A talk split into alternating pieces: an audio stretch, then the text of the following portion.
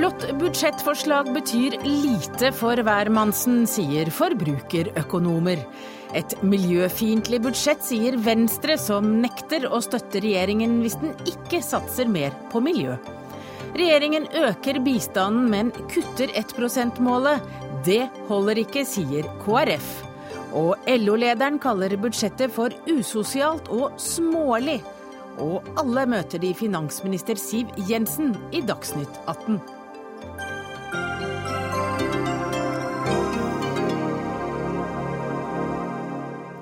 Ja, velkommen til eh, Dagsnytt 18. Jeg heter Hege Holm, og i dag skal altså hele sendingen handle om statens budsjett for neste år.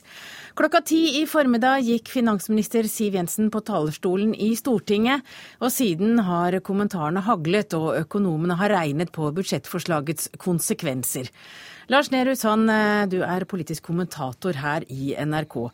Du har fulgt budsjettforslaget gjennom dagen. Hva mener du er det mest spennende i Solberg-regjeringens første egne budsjettforslag? Det er skattekuttene som er det tydeligste grepet. Det er det som danner hoveddebatten for eh, budsjettet og dets ettermæle. Og det er også her regjeringen tar det tydeligste grepet, som er forskjellen på et rød-grønt budsjett og eh, deres eget. Så er det eh, store spørsmål til klimatiltaket. Det er riktig at regjeringen tar mange klimagrep og mange klimavennlige grep, men det er høyst usikkert hvor store klimaeffekter dette får før 2020, hvor Norge skal kutte veldig mange tonn CO2-utslipp, og, og, om dette hjelper og er rett medisin på den veien der, det sannsynliggjør ikke regjeringen i sine eh, måter å regne på i, eh, i budsjettdokumentene. Og så er det selvfølgelig veldig spennende hvor dyrt dette faktisk blir når budsjettet skal forhandles gjennom i Stortinget, og om de eh, økningene i pengebruk det måtte få, og få med seg KrF og Venstre på dette, om det skal tas ved å ødelegge budsjettet til Siv Jensen, eller å øke oljepengebruken. Takk til deg, Lars Nehru Sand. Det er det du får lov å si i denne omgangen. Nå skal vi høre hva politikerne mener, og aller først så er det jo dagens hovedperson, Siv Jensen, som kommer inn i studio. Du er finansminister, og dette er eh, det første egne budsjettet du selv har forløst, som du sa det så, så malende i dag morges. Et ekte vest, Oslo vest Bærumsbarn er det enkelte som har karakterisert budsjettet ditt. Eh, mer til de som allerede har mye, har også vært en karakteristikk. Men når du sjøl nå skal få lov å karakterisere ditt første budsjett, hva ville du si? Dette er et eh, godt budsjett med en god sosial profil, som eh, gir vekstmuligheter for eh, arbeidsplasser over hele landet. Det handler jo både om skattelettelser, det handler om den kraftige veksten vi har i investeringer i infrastruktur, oppgraderinger av eksisterende veinett, satsing på kollektiv jernbane. Det handler om mer trygghet gjennom at vi styrker hele straffesakskjeden og politiet. Og det handler om at vi satser kraftig på forskning og utdanning i neste års budsjett. Men hva er det du liksom virkelig har brent for eh, selv? Jeg har brent for å gjennomføre det vi har sagt at vi skal gjøre. Og det var særlig fire ting Fremskrittspartiet var opptatt av i valgkampen. Det var eh, justispolitikk, det leverer vi på. Det var eh, helsepolitikk, det leverer vi på. Det var samferdselspolitikk, det leverer vi på. Og det var skatte- og avgiftsreduksjoner, og det leverer vi på. Hva har dere måttet gi dere på fordi dere må samarbeide med Høyre? Høyre og Fremskrittspartiet trekker godt i samme retning. Vi har hatt eh, gode forhandlinger, og vi har fått til et veldig godt eh, budsjett som eh, det oser både god Frp- og Høyre-politikk av, og det er jeg godt fornøyd med. Særlig fordi vi må jo ikke bare måle dette i forhold til hvilke løfter vi har, men hva det gir samfunnet vårt både nå på kort sikt og samfunnet for lengre sikt. Og det er altså en mørk sky på vår horisont. Vi har hatt det veldig godt veldig lenge. Nå har vi fallende produktivitetsvekst. Vi har behov for en omstilling fordi vi ser at eh, de store inntektene fra olje- og gassektoren er i ferd med å avta. Regjeringen varslet jo veldig tidlig at vi måtte gjøre noe med todelingen av økonomien. Det krever tiltak, det krever omstilling, og vi er beredt på å gjøre det. Men dette kan dere jo ikke gjøre alene, for dere er jo i en mindretallsregjering, og dere har en avtale med Venstre og Kristelig Folkeparti. Og dere skal jo få med de partiene på et budsjett som skal gjelde for neste år. Hvilke kompromisser er du klar til å gjøre? Jeg mener det er veldig viktig at uh, Kristelig Folkeparti og Venstre får sette sitt uh, preg på budsjettet når det nå skal forhandles i Stortinget. Og det er jeg helt sikker på at uh, de vil være tydelige på hvilke krav og forventninger de har til det.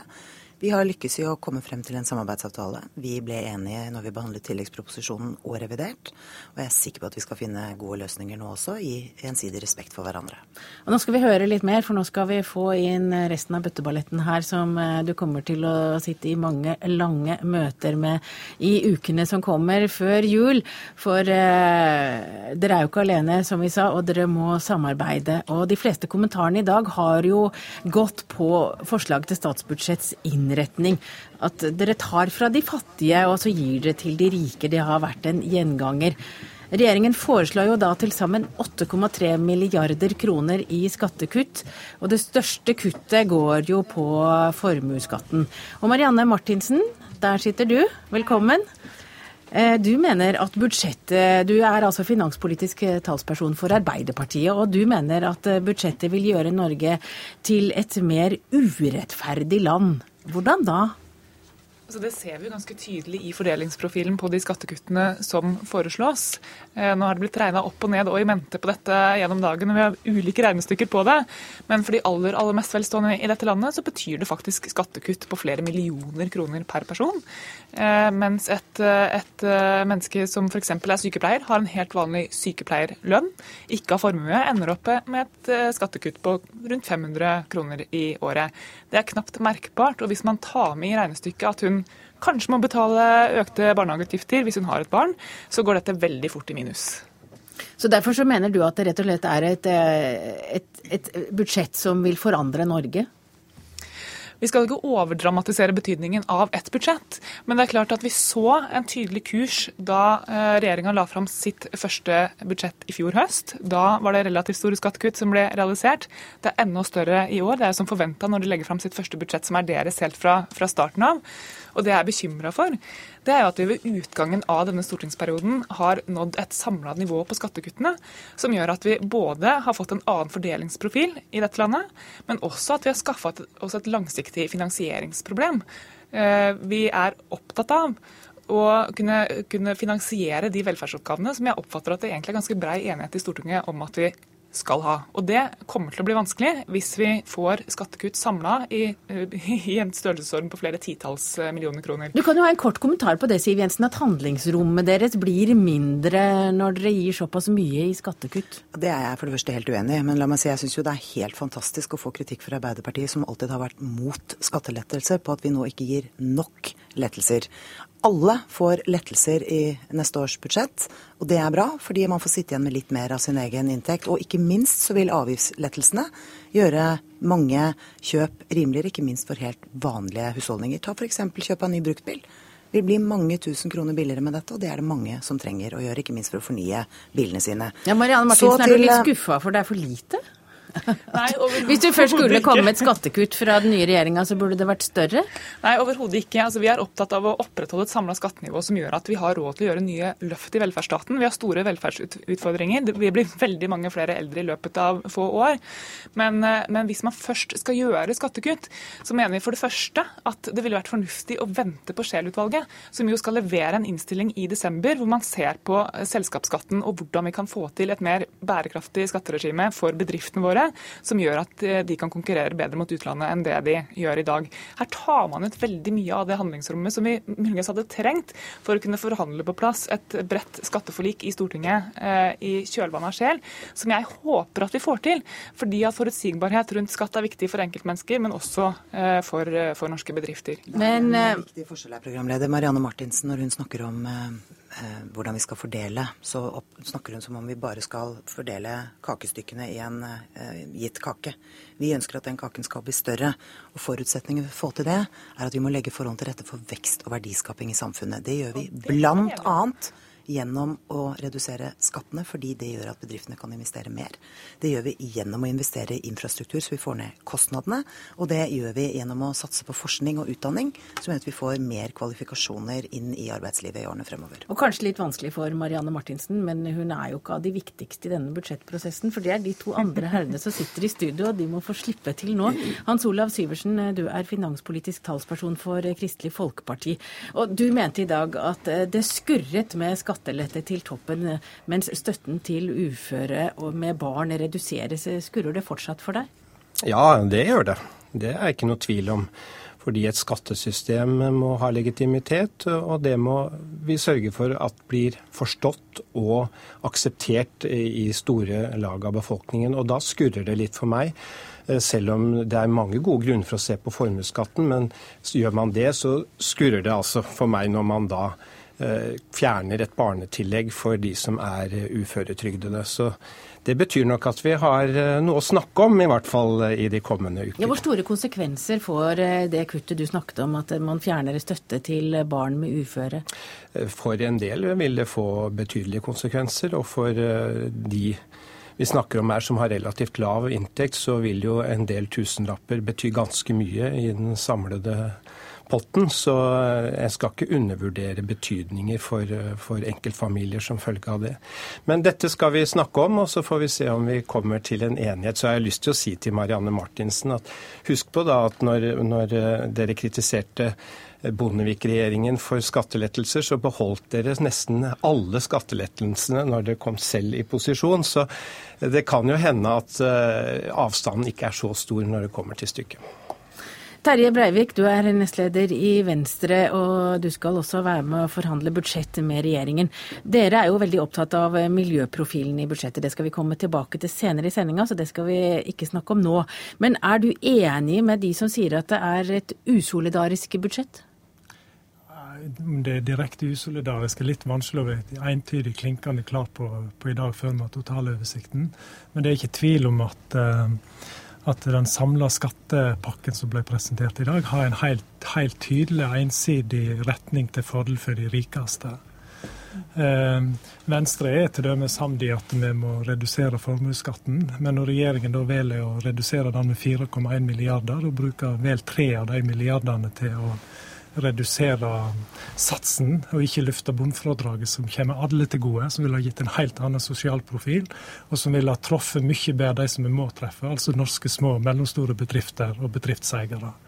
Så er det ikke tvil om at eh, skatt vil bli et svært sentralt og viktig tema i i de forhandlingene som Stortinget skal gå inn over nå utover, utover høsten. For den innretningen som er presentert i dag, den vil ikke dere kunne gå for? Nei, Én ting er det som jeg nevner nå. Det andre er jo at det er en to to total mangel på grønn profil. Eh, og bare for å illustrere litt inkonsekvensen i argumentasjonen til, til, regjeringen i forhold til at de ikke nå har gjort noe for å få på plass et reelt grønt skatteskifte, som de egentlig samd er kanskje det viktigste virkemidlet vi har for å løse klimakrisen, ta i bruk markedskreftene aktivt, eh, så forklarer de da at vi må vente på eh, konklusjonene til den grønne skattekommisjonen som er nedsatt. Mens for bedriftene så er, så er ikke det samme poenget i å vente på at det Scheel-utvalget som skal komme med samme vurderinger i forhold til bedriftsbeskatning. Venstre er helt samd i at det haster for norske bedrifter å få redusert redusere formuesskatten. Det haster enda mer for klimaet å få i gang et grønt skatteskifte. Her var det flere ting, Siv Jensen. Skal vi starte med Scheel-utvalget, som man stadig nevner. Hvorfor har dere ikke klart å vente på, på det i desember, før dere gjør dette, denne skatteomleggingen? Det viktigste Scheel-utvalget ser på, er jo hvordan vi kan eh, redusere selskapsskatten i Norge for å få nivået ned på linje med europeiske land som har redusert den kraftig allerede. Og det er land som heller ikke har formuesskatt. La meg understreke det. Sånn at vi har en lang vei å gå på. Så du mener at det henger ikke sammen? Vi har en lang vei å gå på flere områder for å få et konkurransedyktig skattesystem som gjør at våre bedrifter, som også er eh, som opererer i et høykostland, har eh, høyere kostnader å konkurrere med fra utgangspunktet av. Da må vi gjøre konkurransefordelene deres bedre, ikke minst gjennom skattesystemet. Og så er det jo sånn at, bare Først et par viktige tall når det gjelder formuesskatten. Det er altså 280 000 pensjonister som betaler mindre formuesskatt neste år som følge av denne lettelsen. Det er 100 000 mennesker som slipper å betale formuesskatt neste år. Å si at dette er en skattelette som kommer noen ytterst få til gode, det er feil.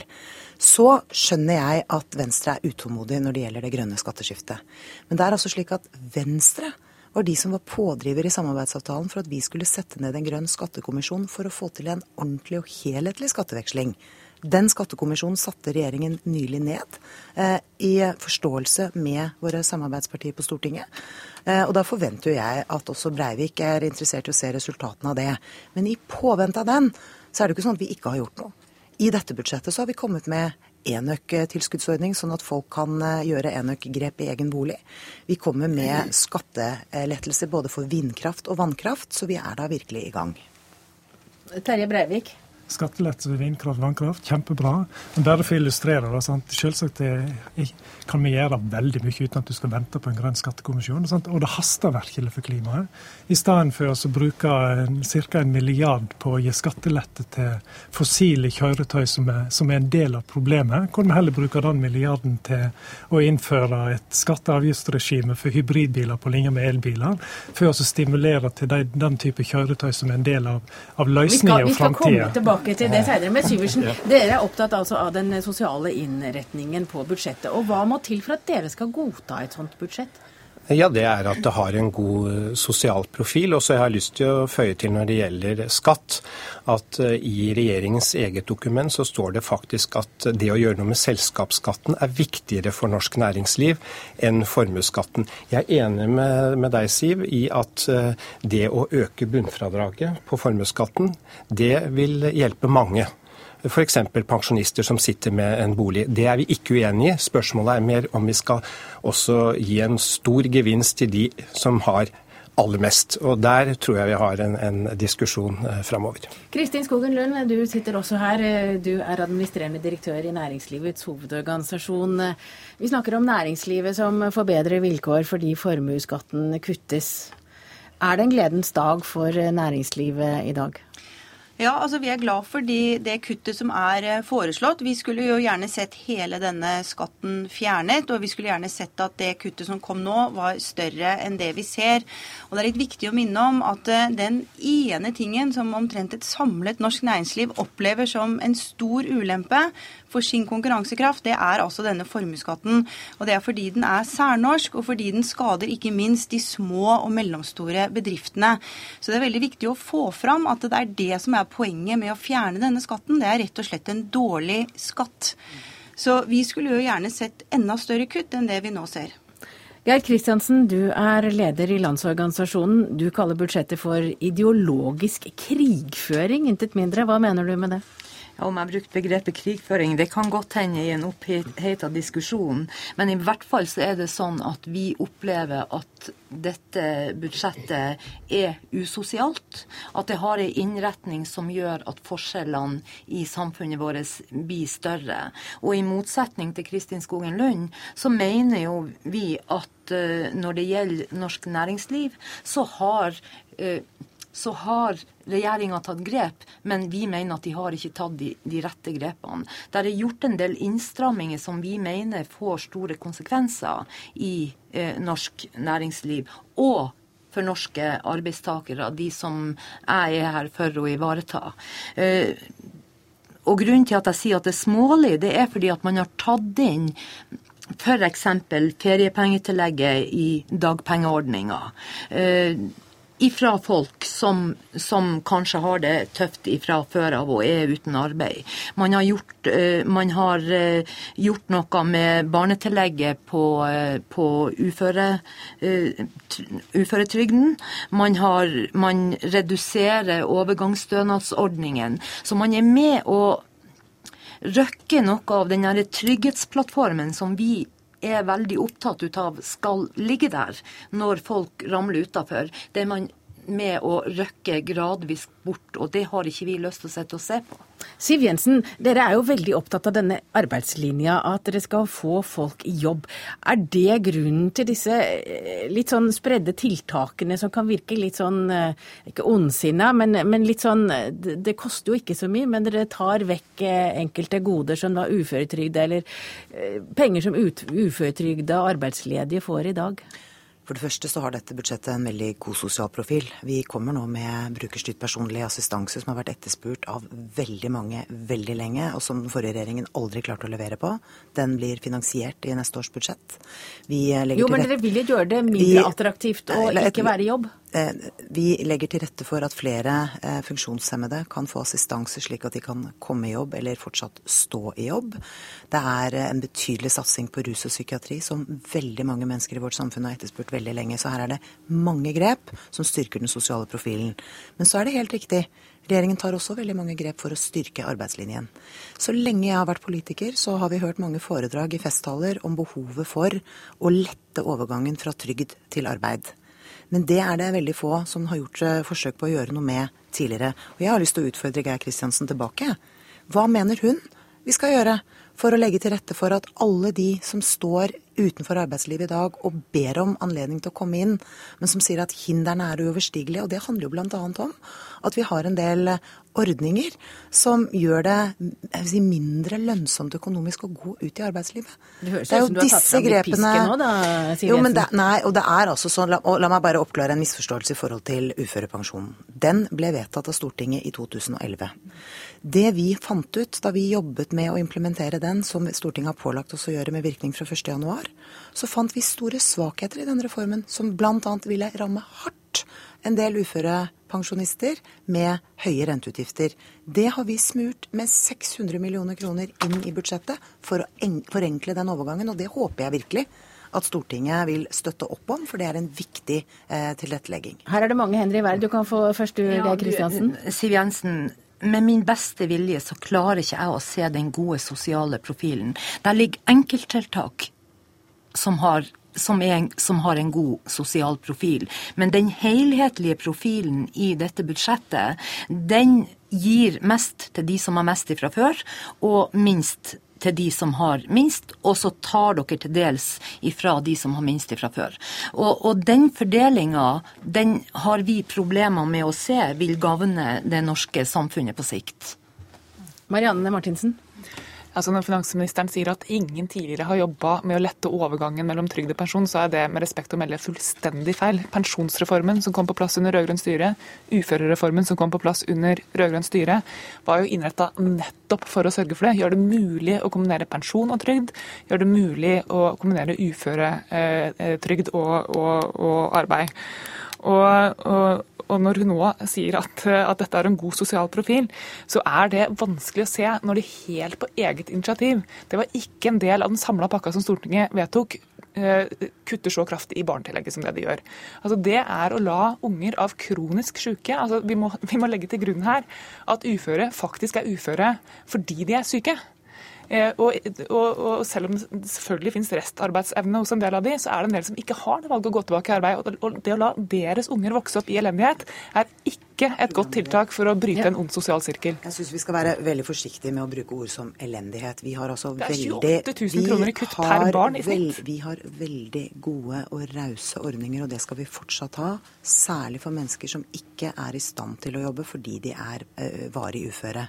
Men vi må også innrette ordningen på en slik måte at det ikke oppleves som urimelig for eh, to hardtarbeidende eh, eh, mennesker med små barn, som kanskje er i lavtlønnsstillinger, som sitter og lurer på hvorfor det kan se ut som det lønner seg å ikke være i jobb fremfor å være i jobb. Da må vi altså se på hvordan vi skal innrette disse ordningene bedre. Men vi skal selvsagt ha rause ordninger som tar vare på mennesker som har det vanskelig. Vi kjenner jo noen av disse forslagene. De kommer faktisk fra Brochmann-utvalget, som ble nedsatt av eh, den rød-grønne regjeringen. Så det er jo det som er hentet fram. Og det er litt forskjell på, på den overgangsordningen som det er mye bra i for, eh, generelt for uførepensjonister, og dette spesielle spørsmålet om man skal kutte barnetillegget til de som er på uføretrygd. Vi må i hvert fall sørge for at de som reelt er uføre, hvis det er noen snyltere så tar vi dem. Og det er Navs oppgave. Men så må vi sørge for at de som reelt er uføre, og det er jo tross alt det store gross uh, av de som er uføre, de, de kan vi ikke bare si at vi kutter deg med mange tusen kroner. Det er, det er i hvert fall ikke god KrF-politikk.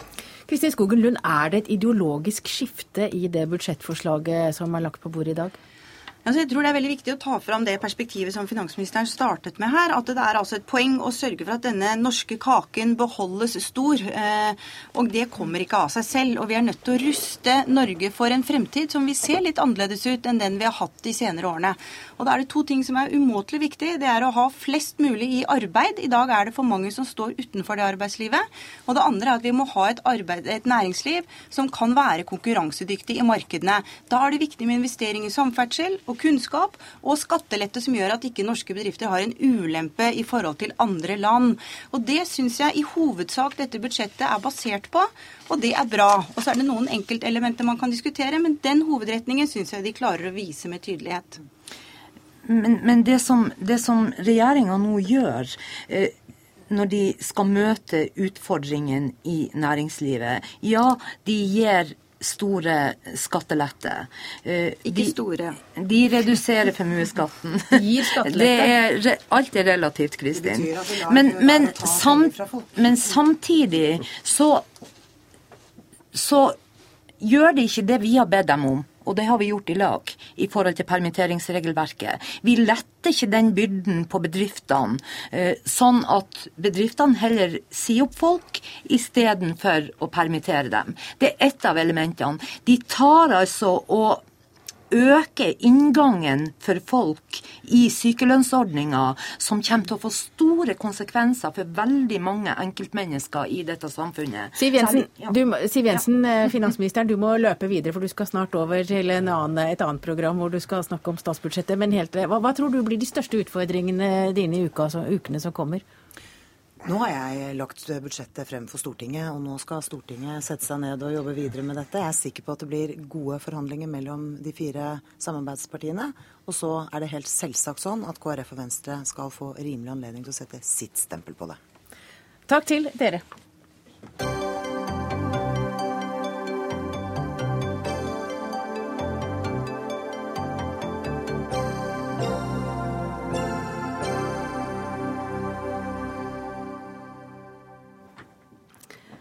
Ja, hvis altså dagens eh, forslag til statsbudsjett blir vedtatt i omtrent den formen som vi ser det nå, som Siv Jensen presenterte, hvordan vil vi som forbrukere få det med den blå regjeringen i 2015?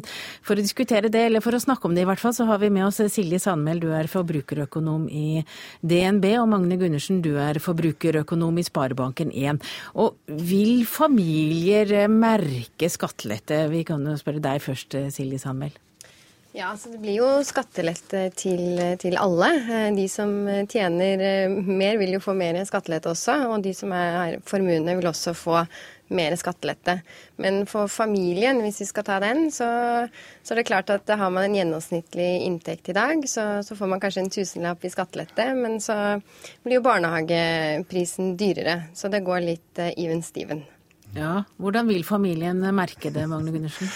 Nei, jeg tenker at Når jeg ser alle disse milliardene som flyr gjennom lufta nå, eh, så tenker jeg at det, det er nesten rart at utslagene blir så små eh, i lommeboka og for eh, veldig mange. Altså, der hvor utslagene blir store, det er jo de som er de aller rikeste, de som har de aller største formue, formuene, og noen enkeltgrupper. Men for det for en jevne lønnsmottaker, som ligger på en alminnelig gjennomsnittsinntekt i Norge, så blir utslagene veldig små. Cirka en tusenlapp ja. eller under det, så jeg Merker du knapt, vet du. Det... Ja. Det er, vel, det er, vel, renter viktigere for, for forbrukere enn en, en den tusenlappen? Ja, egentlig så er det det. Og mange kommentarer i dag har gått på at eh, dette er et budsjett for lave renter lenge. Så scenarioet nå er at vi har de lave rentene vi har, kanskje til og med enda lavere, og du kommer til å vare veldig lenge. Og Det er det som er viktig for folk, og lommeboka til folk. At uh, vi slipper å få en byks i rentene. For det ville gjort, gjort store innhogg i lommeboka. Men hvem er vinnerne, og hvem er taperne i dette forslaget?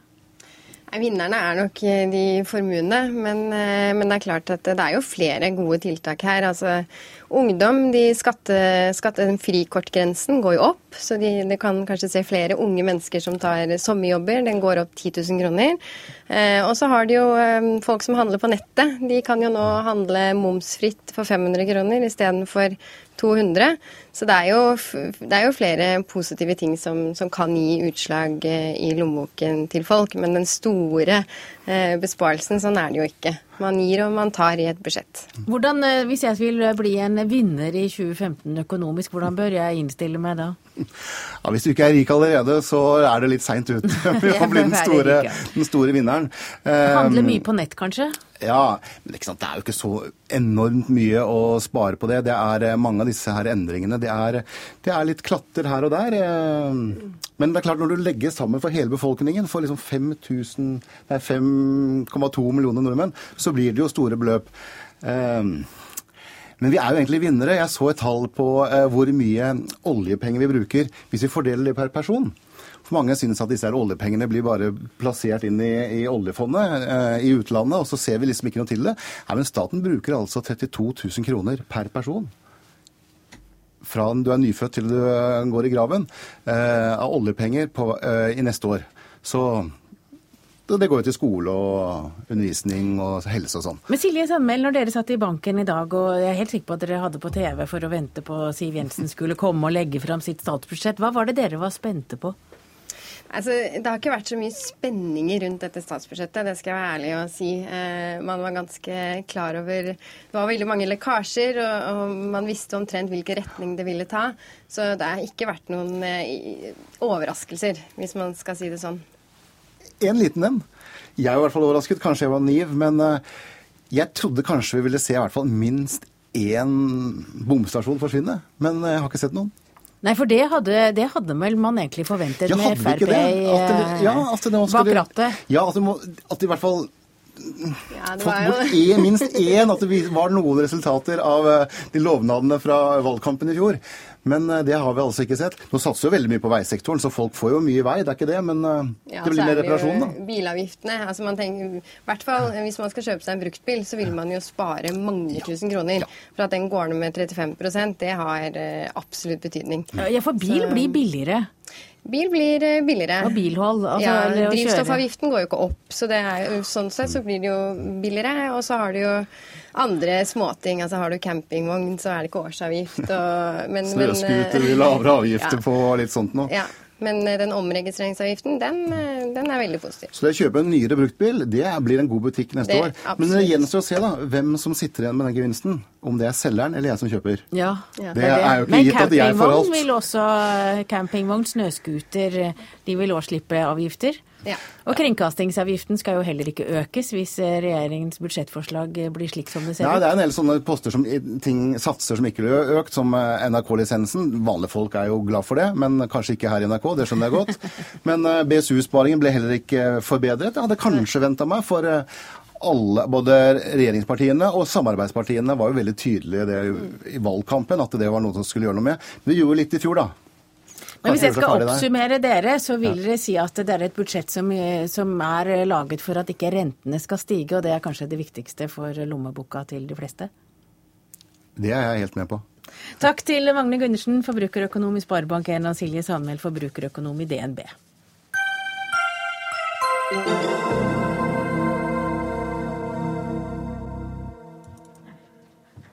Vi må ha en helt annen klimapolitikk før vi kan gå for budsjettforslaget. Det sa Venstres Terje Breivik fra Stortingets talerstol i dag. Og samtidig som han sa det, så fortalte han om en indre kjenslestorm etter å ha hørt Siv Jensen. Eh, det er ikke Terje Breivik vi har med nå, det er deg, Ola Elvestuen fra Venstre. Du er leder i energi- og miljøkomiteen. Eh, stormer det like mye ennå? Når Terje Breivik så han bruker sånne uttrykk, da er det alvor.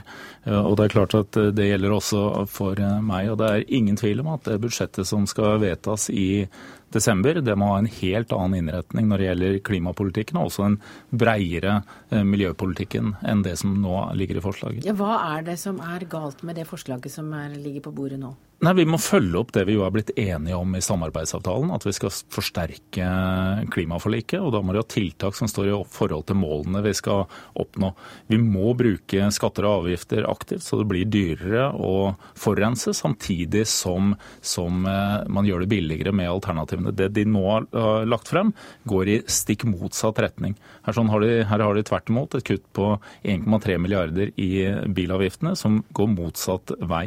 Vi er nødt til å ha en satsing på kollektivtrafikk i de store byene. Det er ikke i dette budsjettet. Og vi må ha en jernbanesatsing som har den samme ambisjonsnivået som det de legger til grunn på vei. At vi også skal redusere det vedlikeholdsetterslepet som er der. Det er ikke dette budsjettet i nærheten av å gjøre. Og I tillegg så er det store kutt når det gjelder vern av skog. Og det er mange mindre kutt på det som er klassisk naturvern.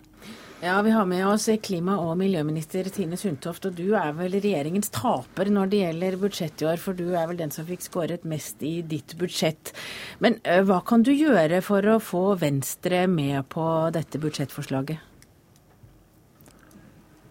Jeg mener at vi her har fremlagt et godt klima- og miljøbudsjett, hvor vi er inne med gode klimatiltak på mange andre departementer enn mitt eget departement.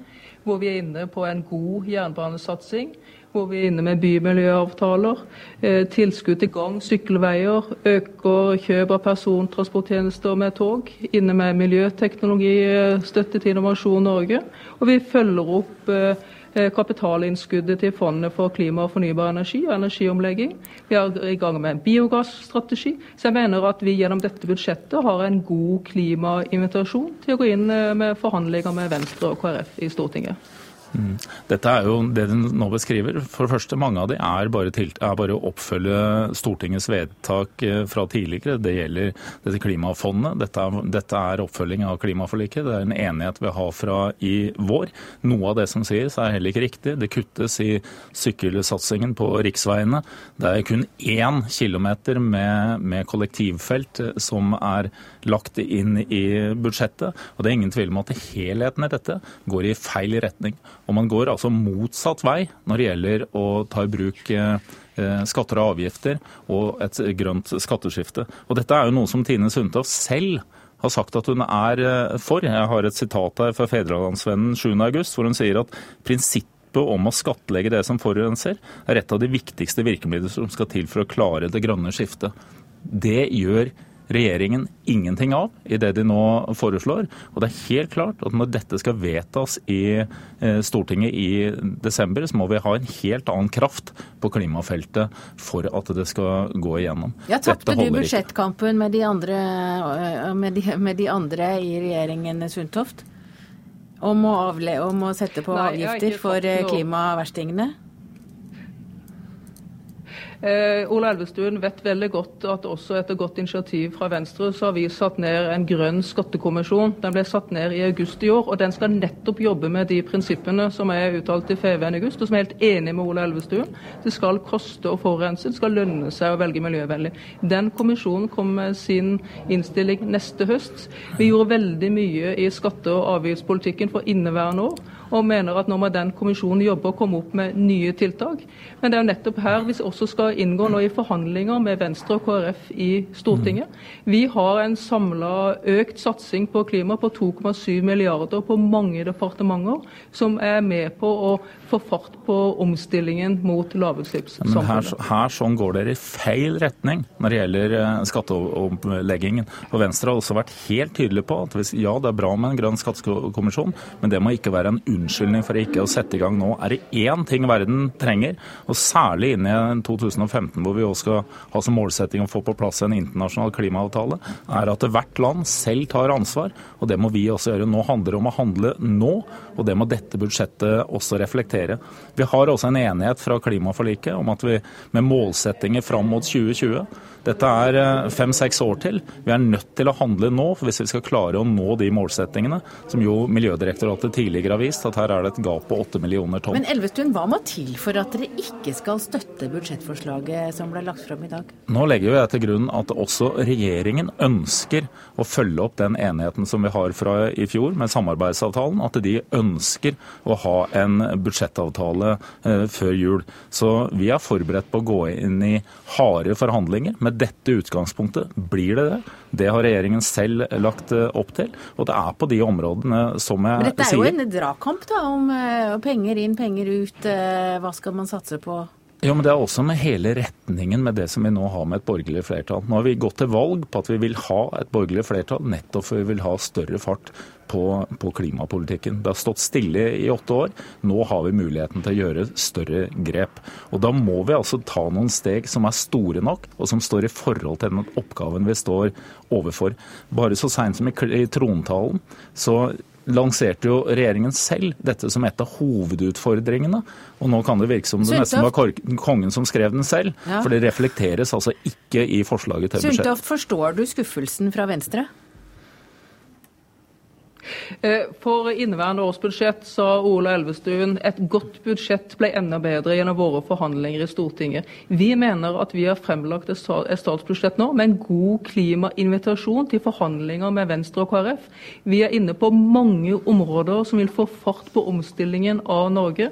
Vi vet at Den grønne skattekommisjonen eh, jobber mer med å få opp gode endringer i skatte- og avgiftspolitikken. Så jeg mener Det er liksom litt sånn svartmaling på en dag hvor det er en skuffelse over at ikke det er nok. Men retningen er riktig, og vi går inn i forhandlinger nå med Venstre og KrF og mener at vi har gjort et uh, godt stykke arbeid ved å ta på alvor den omstillingen vi skal gjennom. For vi vet at vi må redusere olje og gass, og vi må leve andre ting i Norge. Derfor gjør vi nå mye på kunnskap på forskning, på infrastruktur og vekstfremmende skattelettelser for å gå inn i den nødvendige Men, Ola omstillingen. Det høres ut som du her får, nye områder. Her høres det ut som du får eh, invitasjon eh, fra Tine Sundtoft til å gå hjem og spisse argumentene dine, ja. og så gå inn i forhandlinger. Det jeg tror ikke man tror ikke regjeringen skal undervurdere den indre aggresjonen som du begynte med fra Terje Breivik, og som jeg selv også er en del av, selv om jeg også kanskje uttrykker den utad.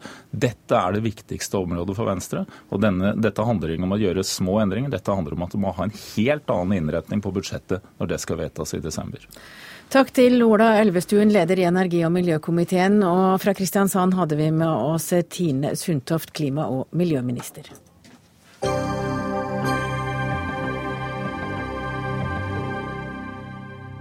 Det er eh, flere skjær i sjøen før regjeringen får eh, et ja fra samarbeidspartnerne i KrF og Venstre. For KrF sin store kampsak i forkant av dette budsjettet har vært bistand. 1% av Norges bruttonasjonalinntekt bør ifølge KrF brukes til bistand. I dag økte regjeringen bevilgningen med hele 420 millioner kroner til bistand, men dere er likevel ikke fornøyd, Hans Olav Syversen? Hvorfor det? Vi er selvfølgelig fornøyd med en økning, men jeg syns også det er viktig at vi holder fast ved det som nå har vært en felles målsetting i Stortinget for flertallet gjennom mange, mange år. At ja, vi setter av en ettøring av en krone utenfor landets grenser til folk som har en helt annen hverdag enn oss. Og Hvis du ser deg litt rundt om i verden i dag, Irak, Syria, ebolautbrudd, så ser vi at eh, tross alt vi lever et godt liv i dette landet, og vi har en forpliktelse utover egne landegrenser. Så jeg håper og tror at vi holder fast ved den målsettingen om 1 Bård Glad Pedersen, du er statssekretær i Utenriksdepartementet. Er dere like skuffet som KrF i dag? Nei, Vi legger jo fram det største bistandsbudsjettet som noen norsk regjering noensinne har lagt fram. Så det var ikke det at dere ba om 1 og fikk 0,98? Nei, og vi økte, du, du, sa at vi økte med 420 millioner. Vi økte faktisk bistandsbudsjettet med over 1 milliard eh, kroner. Vi prioriterer det vi vet gir mest utvikling, og enda viktigere, vi gjør grep som gjør at vi får mer igjen for de bistandspengene eh, som vi bruker. Vi øker med 420 millioner til humanitær nødhjelp, fordi vi vet at behovene er enorme. Og Under de siste årene så har ikke bevilgningen økt i takt med behovene. Vi ser det i Syria, Irak, til Ebola, eh, Sør-Sudan og flere andre steder. Så prioriterer vi utdanning. Over en halv milliard mer til utdanning, for vi vet at utdanning er nøkkelen til å få til utvikling. Vi bidrar mer til næringsutvikling, så vi klarer å uh, skape jobber. Og så konsentrerer vi bistanden om noe færre land, fordi det hjelper oss å få bedre resultater for de bistandskronene som vi Og bistandsbudsjettet er jo da større enn noensinne, for det budsjettet er større enn noensinne. Hvorfor er den prosenten så viktig, Syversen? Ja, alle budsjettposter blir stort sett større, så det, det, er jo sånn budsjettet går. Eh, jeg er eh, enig i at den innretningen eh, til utdanning og til humanitær hjelp, den er veldig viktig. Der er vi 100% enig. Så er det prosenten. Det, et, det ville være et ganske radikalt signal hvis Norge, som et land som har kommet vel igjennom både den ene og andre krisen, er det landet som nå senker ambisjonsnivå. En konservativ regjering i Storbritannia f.eks. har maktet å holde sin prosent oppe selv i ganske krevende tider. Så jeg tror faktisk det hadde blitt lagt merke til om Norge hadde senket ambisjonsnivået. Men så vil jeg jo si at 0,98 eh, gjør jo at gapet mellom det og 1 er jo til å, å, å greie, så det, det regner jeg med at også forhandlingene vil eh, bidra til.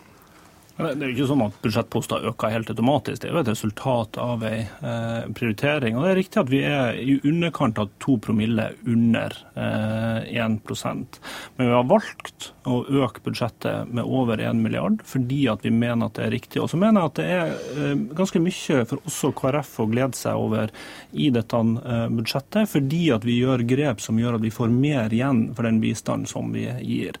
Vi foreslår i budsjettet å gå ned fra at 100 116 land eh, mottar norsk bistand, gradvis til at det skal bli 84 eh, land.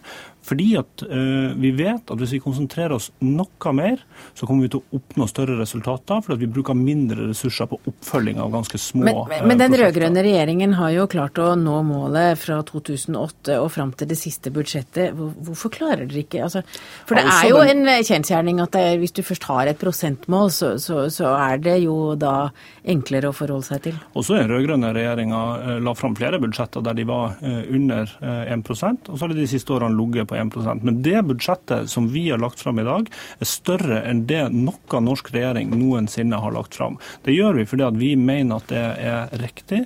Det er enorme humanitære behov. Men det tror jeg dere er helt enige om. Jo, men Bevilgningen til det har ikke blitt prioritert opp de siste årene. Det har ikke økt i takt med behovene. Utdanning som andel av bistanden har blitt halvert under de rød-grønne. Vi har sagt at vi skal doble det igjen, og vi øker med over en halv milliard bare i år. Nå må jeg spørre deg, Syversen, Er det slik at eh, hvis dere ikke når den prosenten som dere har snakket eh, ganske mye om, vil dere da bryte forhandlingene? Du, jeg, eh, Det er sikkert fristende å ta forhandlinger i studio her i Dagsnytt 18, men det tror jeg vi får ta i forhandlingene. Men det må ikke være noen tvil om at det, dette er en viktig sak for oss. Så, men du tror jo det går, så hvis det ikke går, så blir jo det et nederlag? Jeg tror det skal gå. Så, så, er det også sånn at dette har vi vært enige om, eh, Høyre og KrF før. Da vi satt i regjering i, i fellesskap. Vi fikk da også den prosenten på plass. Og Poenget er jo at med en gang du begynner å skli på dette, så blir det veldig veldig enkelt etter hvert å ta mer det ene året og et nytt steg det andre året. Og jeg syns med det velstands- og velferdssamfunnet vi har, at vi skal se på vår forpliktelse. En, ett øre av én krone. Det kan vi avse til de som har en helt annen livssituasjon enn vår. Og helt riktig som Bård Glad Pedersen sier, det er enorme utfordringer. Det har vi sett de siste dagene i Midtøsten, i Afrika. Det er, eh, syns jeg, en, forpliktelse, en anstendighetsforpliktelse ja, Flyktninghjelpen omtaler jo dagens verdensbilde som det mest prekære siden andre verdenskrig. Mm. Kanskje dere egentlig burde brukt mer penger til bistand? Eh? Glad Pedersen? Ja, altså Det er jo de enorme humanitære behovene som gjør at vi har økt bevilgninga akkurat til det med nesten en halv milliard kroner. I verden i dag så er det fire såkalte nivå tre-kriser, som er det høyeste rangering av kriser som FN opererer med. Det er Syria, Irak, Sør-Sudan og Den sentralafrikanske republikk. I tillegg er det store humanitære behov mange andre steder, og ebolakrisen eh, kommer på toppen av det. Så det å øke til humanitær nødhjelp har vært viktig for oss. Så eh, mener jeg at det er viktig at vi ikke bare har en diskusjon om hvor mye vi bruker. Eh, det er et viktig spørsmål. Vi legger opp til å øke fordi at vi også ønsker å bruke, men, fordi, men at vi også har en diskusjon om hvordan kan vi gjøre bistand sånn at vi oppnår mest mulig utvikling for det. Men det er en da, diskusjon vi tar ganske ofte i Dagsnytt 18 Studios, og den kommer vi helt sikkert tilbake til. Og den er vi helt enige om. Og, den, og der er jo dere helt enige, det er ikke noe vits i å ta den akkurat her. Men, ja, men, men Bård Glad Pedersen, grep, jeg vet at du er, du er ikke finanspolitiker, for du er statssekretær i Utenriksdepartementet. Men, men er det de, de derre 0,2 promillene, er det egentlig bare noe dere har liggende, liksom, så dere har noe å gi til KrF og Eh, ved, i forhandlinger? Nei, vi For det vil ikke bety så mye? Altså, vi legger jo frem det budsjettet som vi mener er helhetlig riktig. Det er et, eh, på bistandssida et budsjett vi kan være veldig stolte av, og som jeg mener at også KrF kan finne mye å glede seg eh, over. Eh, og Det er det budsjettet som da blir sendt til, til Stortinget. Og så sa finansministeren her i sted at det er klart at uh, også KrF uh, skal, skal, få sette sitt stempel. Ja.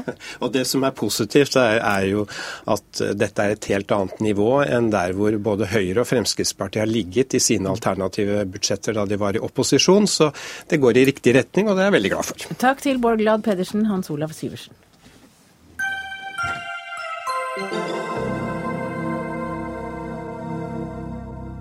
Ja, Da har vi vært runden, og de som da kan diskutere med hverandre, de har gjort det om budsjettet av politikere.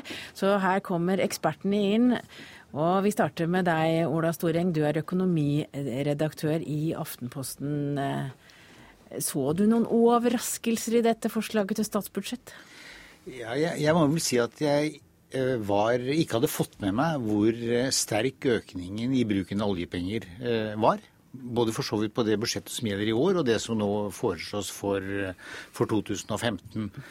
Ellers så syns jeg vel at den andre overraskelsen var hvor sterkt regjeringen kjørte på, på formuesskatten. I forhold til andre skattelettelser, i, i, hvert fall.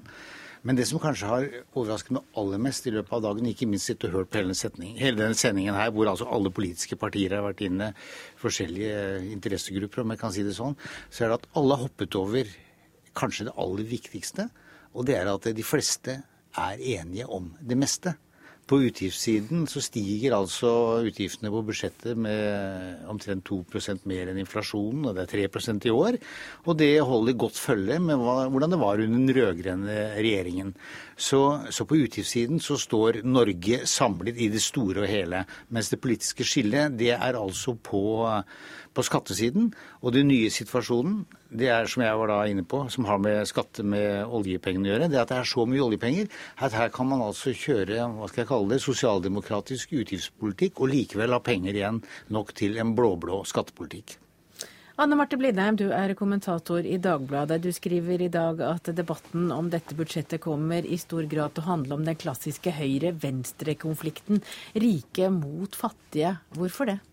Ja, jeg syns det virker som at vi er på vei inn i en ny, en ny gammel ideologisk debatt mellom klassiske høyresida og klassiske venstresida. Vi har hatt eh, LO Gerd Kristiansen mot eh, NHO Kristin Skogen Lund. Og vi har hatt eh, SV og Arbeiderpartiet og Senterpartiet som har rast mot høyresida når det gjelder skattelette til det de mener er de rikeste. Der de vanlige lønnsmottakere får mye mindre. Eh, og der formuesskatten eh, Ja, det blir store lettelser i formuesskatten til eh, ganske mange rike mennesker. og da blir det jo en slags definisjonskamp da, mellom partene her, om dette her er omstilling og modernisering, som høyresida vil kalle det, eller om det er rasering og kutt, som venstresida vil kalle det. Og da gjenstår det å se hvem det som vinner den debatten i opinionen. Siri Wahl Olsen, du er politisk kommentator i Adresseavisen. Du sitter i Trondheim. Budsjettet er kritisert for å være skreddersydd for de rike i Bærum og Oslo vest. Er det slik eh, dere ser det fra Trøndelag også? Eh, nei, vi skal jo huske på eh, at det finnes rikinger også nord for Sinsenkrysset da, og nord for Oslo vest. Eh, det er mange rike folk også her i Trøndelag som er, som er glad for, for det skatteletten, og ikke minst innenfor formuesskatten. Der er det folk, i, kanskje spesielt i oppdrettsnæringa, som er veldig glad for at de nå kan sette av mer, bruke mer penger på å utvikle og utvide aktiviteten enn å betale skatt. Så, så det så, så, er det sagt. Men det som folk i, vil si i Trøndelag nok er mest glad for, det er den store satsinga på vei og, og, og samferdsel. Eh, her får vi bygd ut E6 eh, e sør for Trondheim, som har vært en eneste sammenhengende flaskehals i årevis, og det som er bygd ut stykkevis og delt. Nå, vil, nå er det lovt at planlegginga kommer i gang, slik at veien kan være ferdig innen 2023, og det syns vi er veldig flott. Også i, nord, i nordfylket, i Nord-Trøndelag, eh, gleder man seg over at E6 eh, e sør for Steinkjer eh, nå skal begynne å, utbedres. Så dette er viktig sett fra distriktets side. Så mange glade veie, eller bilister i Trøndelag. Lars Nehru Sand, du er kommentator her i NRK. Eh, vi har jo hørt at KrF og Venstre er kritiske til mye ved statsbudsjettet, særlig altså når det gjelder miljø og fordeling. Eh, hvor store endringer tror du må til for at de skal si OK, det er greit, vi går for budsjettet for neste år?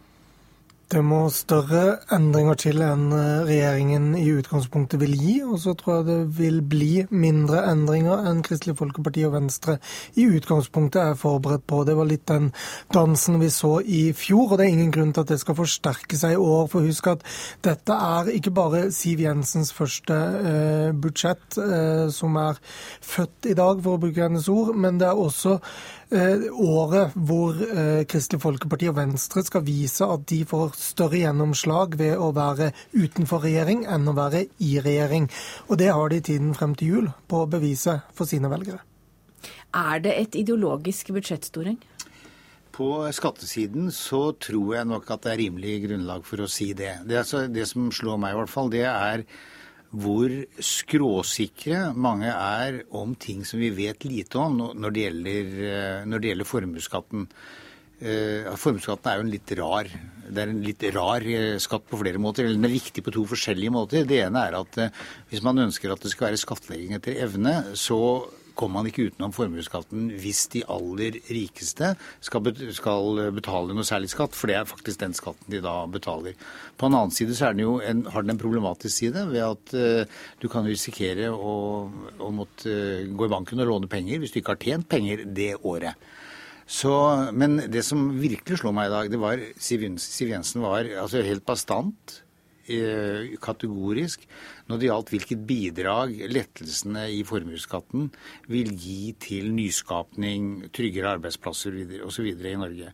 Men når du slår opp i hennes eget dokument, nasjonalbudsjettet, side 96, der er det altså, som hennes embetsverk har skrevet, der kommer jo formuesskatten nokså langt ned på lista når embetsverket skal, skal, diskutere hvilke skattelettelser som kan gi mer økonomisk eh, vekst i, i, Norge. Så det er klart på det punktet jeg mener at ideologien slår igjennom ved at eh, det er en, eh, det er en skråsikkerhet der, som du også finner for øvrig i NHO. Eh, som jeg har vanskelig for å se har dekning i, eh, i de faglige rådene som regjeringens egne eksperter gir gjennom nasjonalbudsjettet. Hva tror du skal til for at eh, man skal få enighet om dette budsjettet, Blinde? Det som jeg i hvert fall får høre fra kildene, det er jo at bistandsmidlene må opp fra KrF sin side, og at Venstre mest sannsynlig vil støtte deg på det. Så opp til den 1% i hvert fall. Og Venstre har jo vært veldig tydelig i dag på klimabiten, som de mener må forsterkes kraftig. Eh, de har kanskje vært det aller mest kritiske av samarbeidspartiene. Eh, og så er det også det på den, på den sosiale biten. Så er det jo eh, en del ting, bl.a. dette med fattige barn, som begge de to partiene er opptatt av. Så de har jo begge varsla tøff kamp, og jeg tror nok at vi vil se det. Eh, og så får vi jo se hva resultatet av hestehandelen blir. da. Hva, hva er det de absolutt må ha, eh, og hva er det de kan gi. Ja, Lars Nehru Sand, som politisk journalist og kommentator, hva er det du ser mest fram til i månedene før jul? Det handler om eh, hvordan de kravene til Kristelig Folkeparti og Venstre skal finansieres. Eh, regjeringspartiene prøvde i fjor på å finansiere det ved å øke uttaket fra oljefondet, bruke mer oljepenger. Eh, det sier Venstre og KrF nok en gang i år, begge partiene, at det er uaktuelt. og Det betyr at man vil hamre løs på regjeringens opplegg, kanskje spesielt skatteinnretningen, som, som begge partier vel var tydelig på tidligere i sendingen her. og Det eh, betyr da at, at, Høyre og Fremskrittspartiet må gjøre om på det, den skattepakken de i dag har vært så stolte av å, å bære frem. Eh, og så er det jo selvfølgelig også knytta spenning til hvor dyre krav Venstre og KrF til sammen vil ha. Ja, ja, det er jo slik at uh, Statsbudsjettet dreier seg om, om, hele landet og om hele økonomien. Og de som slåss her, for dem slåss de om ting som er viktige. Men vi snakker antagelig om 1-2 promille av budsjettet. Så når jeg sa at det var ideologisk på skattesiden, så er det jo også et ideologisk fellesskap på utgiftssiden. Og det var det vi rakk å si om budsjettet for sendinga her fra Marienlyst er slutt. Takk til Lars Nehru Sand, Anne Marte Blindheim, Ola Storeng, og fra Trondheim hadde vi med Siri Wahl Olsen. Og denne sendinga er eh, Alf Hartken ansvarlig for. Finn Lie tok seg av det tekniske. Jeg heter Hege Holm, og Dagsnytt 18 er tilbake i morgen.